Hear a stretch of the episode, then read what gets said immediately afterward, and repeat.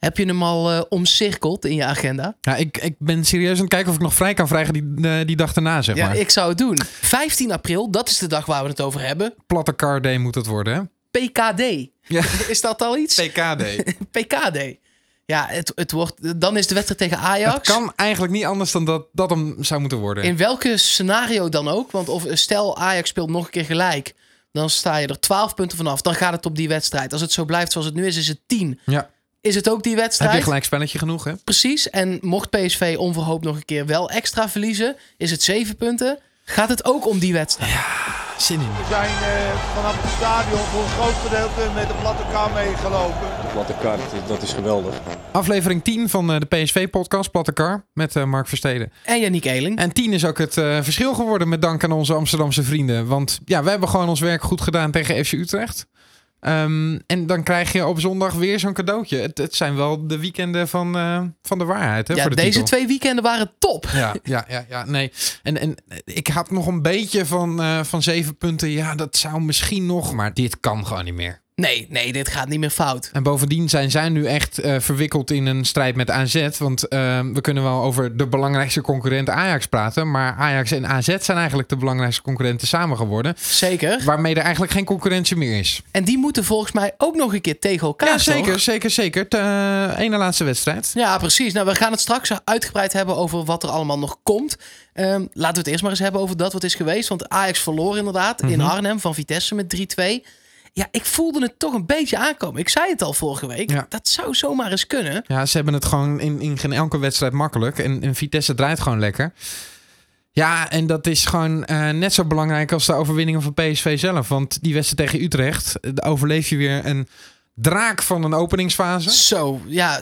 Utrecht wel gewoon de nummer vier. Hè? Staan, ja, zeker. We hadden het allemaal over die wedstrijd tegen Feyenoord. En dat is qua naam natuurlijk ook belangrijk. Ja. Maar Utrecht stond gewoon een plek hoger. Ja.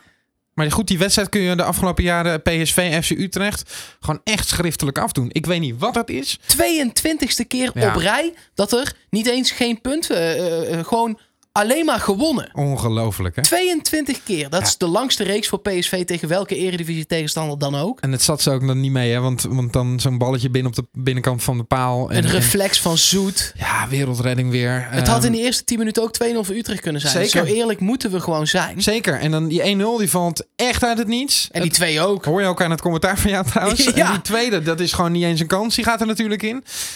Ja, die derde is een wereldgoal. Even, um, heel even naar zaterdagavond. Ja, terug. laten we het dan maar even terug luisteren. Nu Brenet, Ramselaar met die voorzitter, dan zit hij erin. Het is een eigen doelpunt voor Utrecht en dit komt echt volledig uit de lucht vallen. Het is een inworp voor PSV na die mislukte voorzet van Brenet.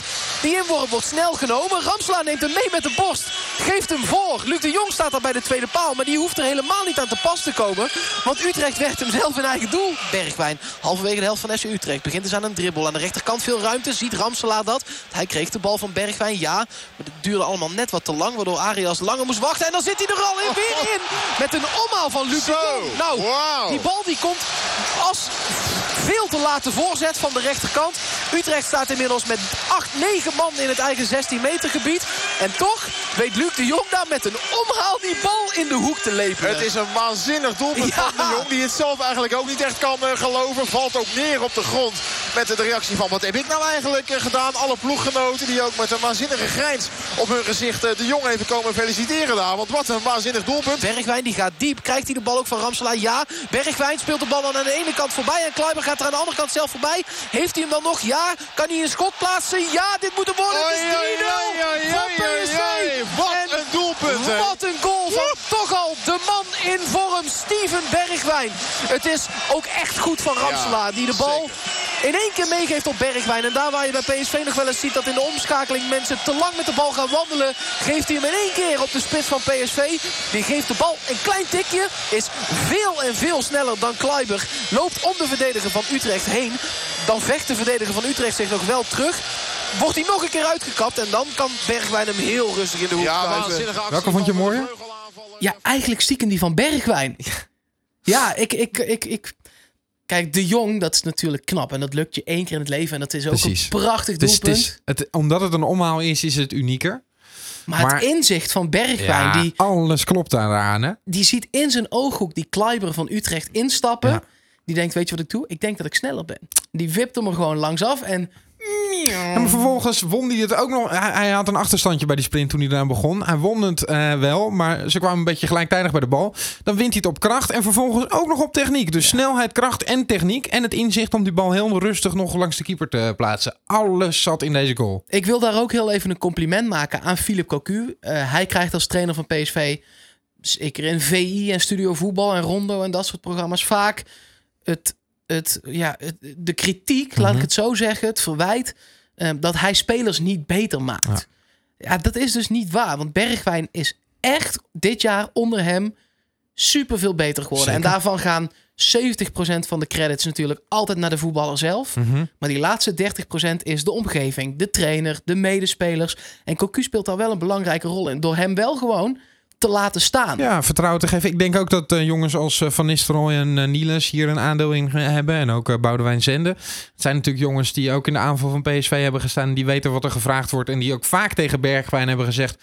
blijf nou rustig, want, want dat, is zijn probleem. probleem. Um, dus rendement is gewoon omhoog gegaan. En ja, deze week wordt de voorselectie voor Oranje bekend. Uh, hij moet daarbij zitten. Dat kan gewoon niet anders. Nee, zeker als je ziet, de Pai blijft maar op de bank zitten. Ja. Als je dan nog een goede links- of rechtsbuiten, want hij kan het allebei, zoekt, dan kom je wel uit bij Bergwijn. En bovendien, uh, we hebben natuurlijk uh, Ronald Koeman nu al leren kennen als iemand die echt gaat bouwen aan een nieuw elftal. Dat hij heeft Snijder afgezwaaid. Precies, exact. Uh, dat, dat doe je alleen maar als je echt gaat bouwen aan een nieuw elftal.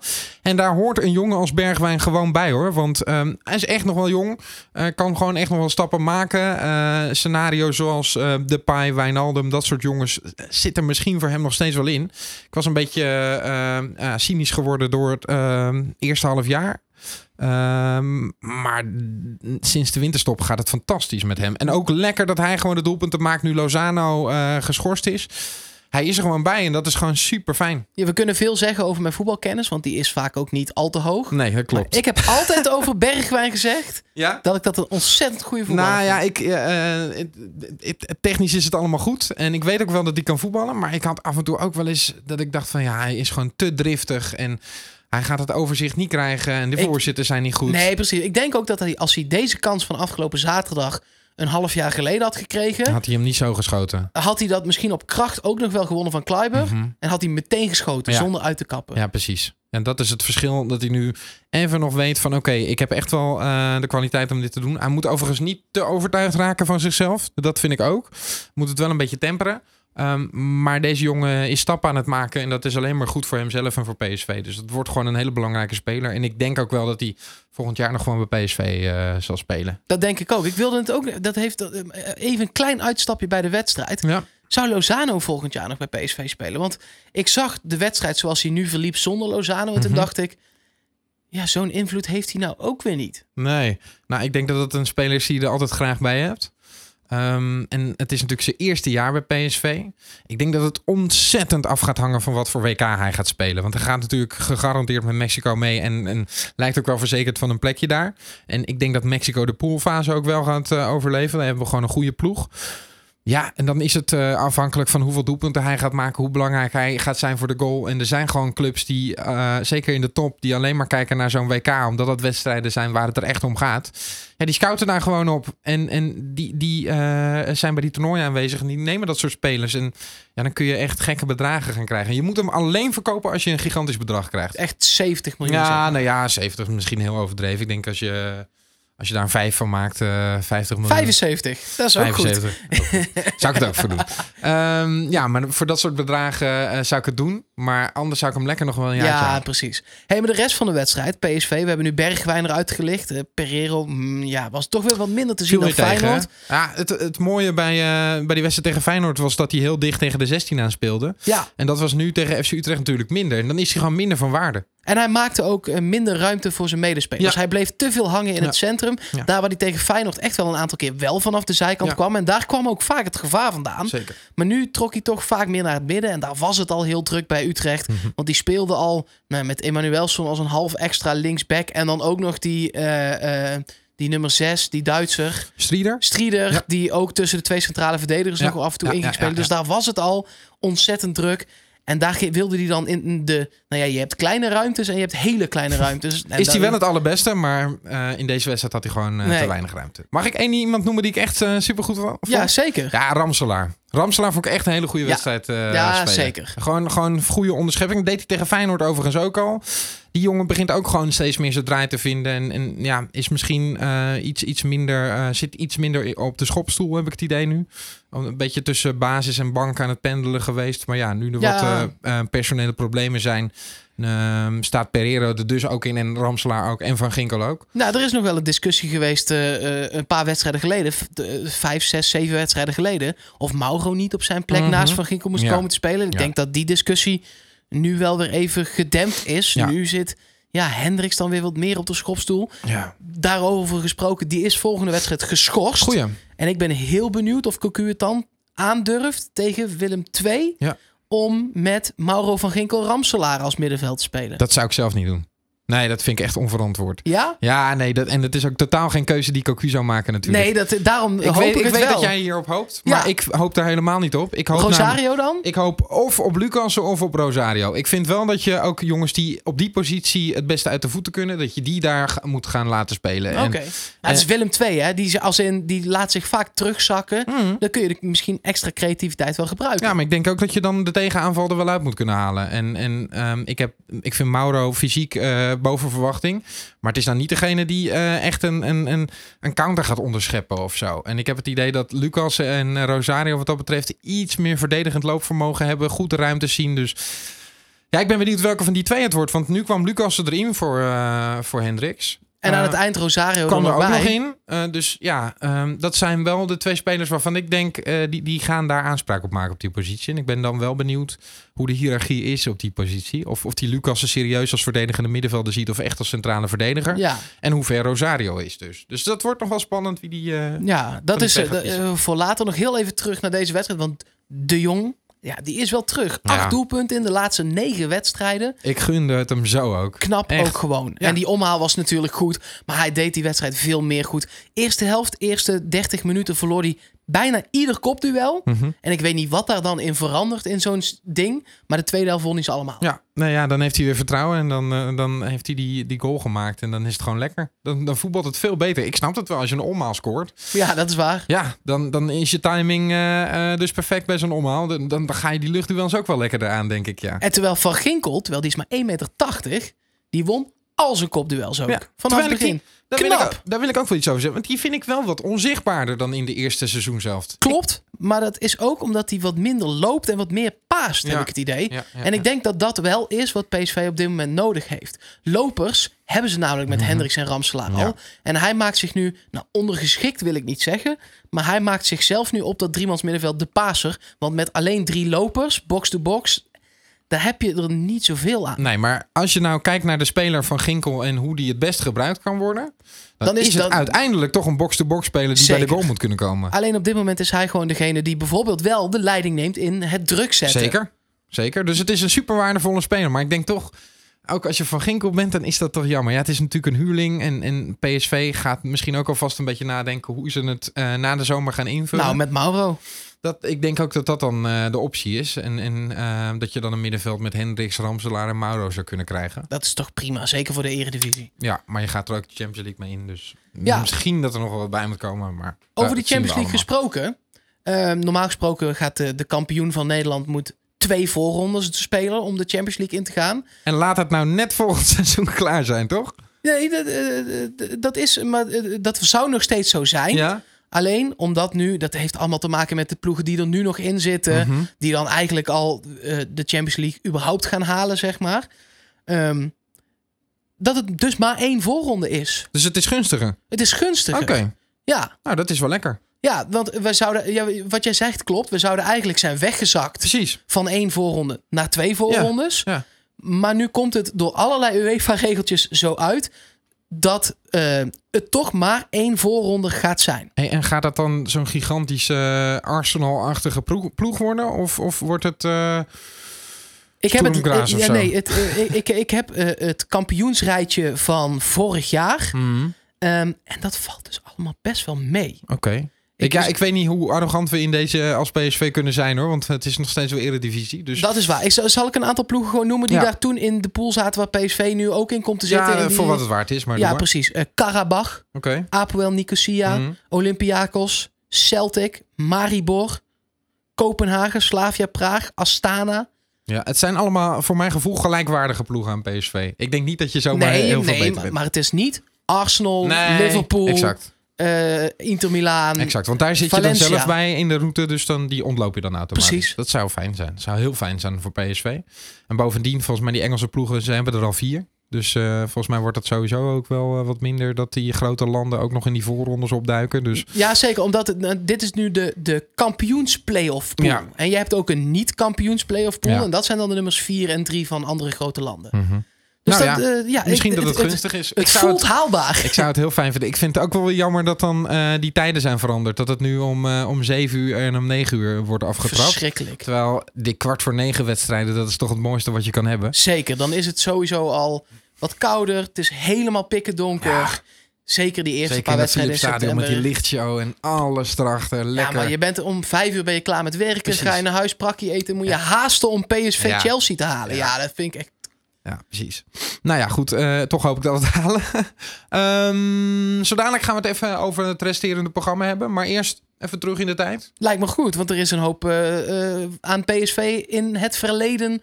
wat mooie fragmenten heeft opgeleverd. Overigens weer history in the making natuurlijk dit seizoen. Maar Die ja. gaan we dan volgend, volgend jaar Ja, wel een ja, aantal keer zeker. behandelen, ben ik bang. Zeker. Dit keer is het ook een kampioenschap, maar van iets verder terug. En Jos Keunings, PSV-fan en ook onze collega bij Studio 040... die had daar een mooie herinnering bij. Mijn PSV-moment is toch wel het moment uit 2007. Op de laatste speeldag stonden Ajax, AZ en PSV allemaal op 72 punten. AZ op 1, Ajax op 2 en PSV op 3 vanwege het doelsaldo. En die dag, ik vergeet hem echt nooit meer. Het was zo vet. Ik heb toen heel de dag, heel de middag langs de lijn geluisterd. Ja, AZ kwam op een gegeven moment met een eh, man minder te staan. Speelde bij eh, Excelsior uit. Verloor die wedstrijd uiteindelijk ook met 3-2. Ajax verloor in Tilburg met 2-0 van Willem II. En PSV deed iets wat niemand voor mogelijk had gehouden. Zij wonnen met 5-1 van Vitesse. Ja, Philippe Cocu die maakte natuurlijk de belangrijkste goal. Misschien wel belangrijkste goal uit zijn carrière. Die vijfde die was zo ontzettend belangrijk, want daardoor ging PSV voorbij aan alles en iedereen en pakte het toch de eerste plaats in de eredivisie. Dat was echt zo'n geweldig moment. Wat ik al zei, heel de middag langs de lijn aangehaald. Het zweet stond in mijn bilnaad. Ik heb er nog nooit zoveel spanning bij een wedstrijd gehad. Mijn moment dus van eh, PSV uit de afgelopen jaren. Ja, het zijn van die momenten waarop je nog precies weet waar je was. Ja, zeker. Ik, het grappige was, ik moest toen met de trein ook vervolgens ergens naartoe... waarbij ik langs station Amsterdam Bijlmer Arena kwam. En daar eh, waren al fans naartoe gegaan tijdens die wedstrijd... omdat daar een mogelijke huldiging zou komen voor Ajax. Het podium stond er al. Serieus? En al die boze fans kwamen vervolgens bij mij in de trein zitten... terwijl ik echt gigantisch eh, aan het kapot gaan was... eh, omdat PSV kampioen was geworden. Ja, dat is toch lekker. Waar was jij? Ik, ja, ik was erbij. Ah, serieus? Ja, als fan toen nog gewoon. Ja. eh, nu verslaggever bij de lokale omroep bij Studio 040. Precies. Maar toen nog gewoon als fan op de tribune. Juichen. Ja, die Want- goal van Cocu. Ik wilde dus eigenlijk niet gaan. Dit is een eh, true story. Ik had mijn kaartje al aan mijn vader gegeven. Zo, ja joh, ga, laat gaan. Eh, we, we staan zevende voor mijn gevoel, weet Ja, er je zijn wel. twee grotere kanshebbers. Ja, ik, AZ eh, Ajax. ja, ik ga in de stad bier drinken. En al mijn vrienden hadden die kaartje weggegeven. Op een gegeven moment zei er eentje, nee, ik ga gewoon.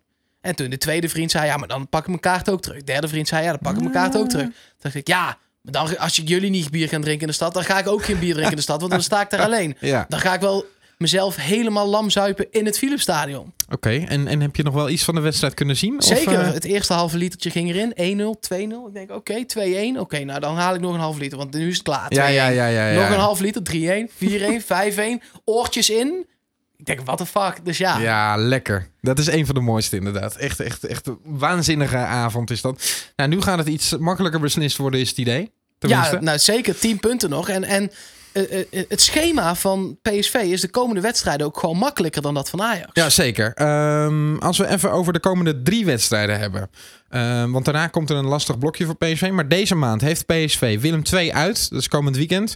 Daarna VVV thuis en NAC thuis. Ik denk dat dat gegarandeerd 9 punten Dat zou wel moeten. Precies. Dan heb je het over Ajax met Herenveen thuis. Sparta uit en FC Groningen uit. Precies, is toch lastig. zijn toch twee uitwedstrijden. En eh Heerenveen eh, ook geen makkelijke ploeg. En AZ ook nog maar even meepakken. Die spelen komend weekend Feyenoord uit. Dan spelen ze Groningen thuis en dan ADO uit.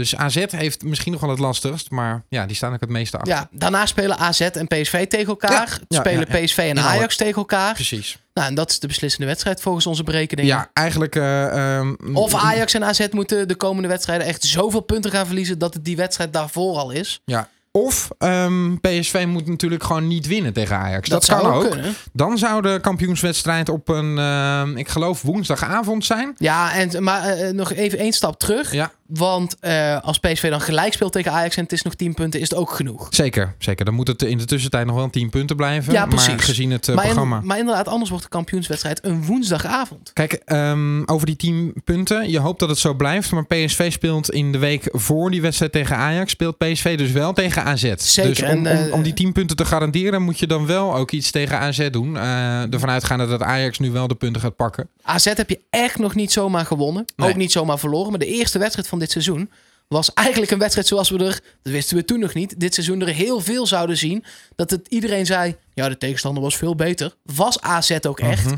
En PSV won hem in een soort hectische paniek. 3-2 werd het, of 4-3 zelfs. Ja, Het was echt... eh, eh, 3-2. 3-2, ja. Het was echt, echt een chaoswedstrijd. Eh, en AZ raakte toen die jongen kwijt, die eh, Stenks. Ja, Stengs. En die is Verschrikkelijke nog steeds niet blessure. terug. Nee, dat vond ik echt heel heftig voor Ja, en dat was in het eerste kwartier echt de motor van dat elftal. Ja, zeker. zeker.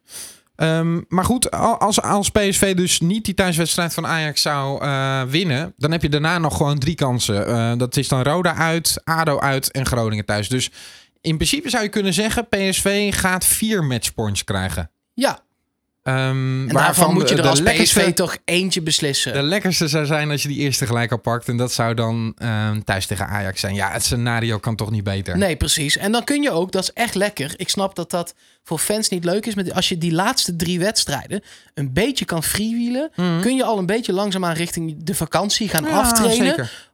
Want je moet echt rap weer aan de bak in die voorronde van de Champions League. Nou, er zijn wat jongens die richting een WK gaan. Misschien dat Precies. die eh, hun conditie op peil willen houden door te spelen. Of misschien willen die juist eh, gespaard worden. Daar kun je er gewoon allemaal rekening mee houden. Je kan jonge jongens, zoals Obispo, die zit tegen een keer een basis of een keer een wedstrijd aan bij PSV. Dat, soort jongens dan kun je dan gaan doen. Allemaal doen. Ehm, en en je, je zegt dat het voor fans misschien vervelend is, maar van die drie wedstrijden eh, na Ajax thuis eh, zijn er twee eh, uitwedstrijden. Ja, nee, en, ADO uit. Nee, ja, je kijkt toch het liefst als fan naar, naar je Nee, clubje in de sterkste Maar opstelling. het is toch ook leuk om dat soort jonge jongens te zien. Zeker. Dat hebben we met Mauro ook gezien dit seizoen. En Bergwijn doet het nu ook fantastisch. Dus ja, er gloort echt een fantastische lente voor PSV. En, en het wordt mooier en mooier. Het wordt op 15 april het allermooiste. Ik hoop het. Ik hoop het echt van harte.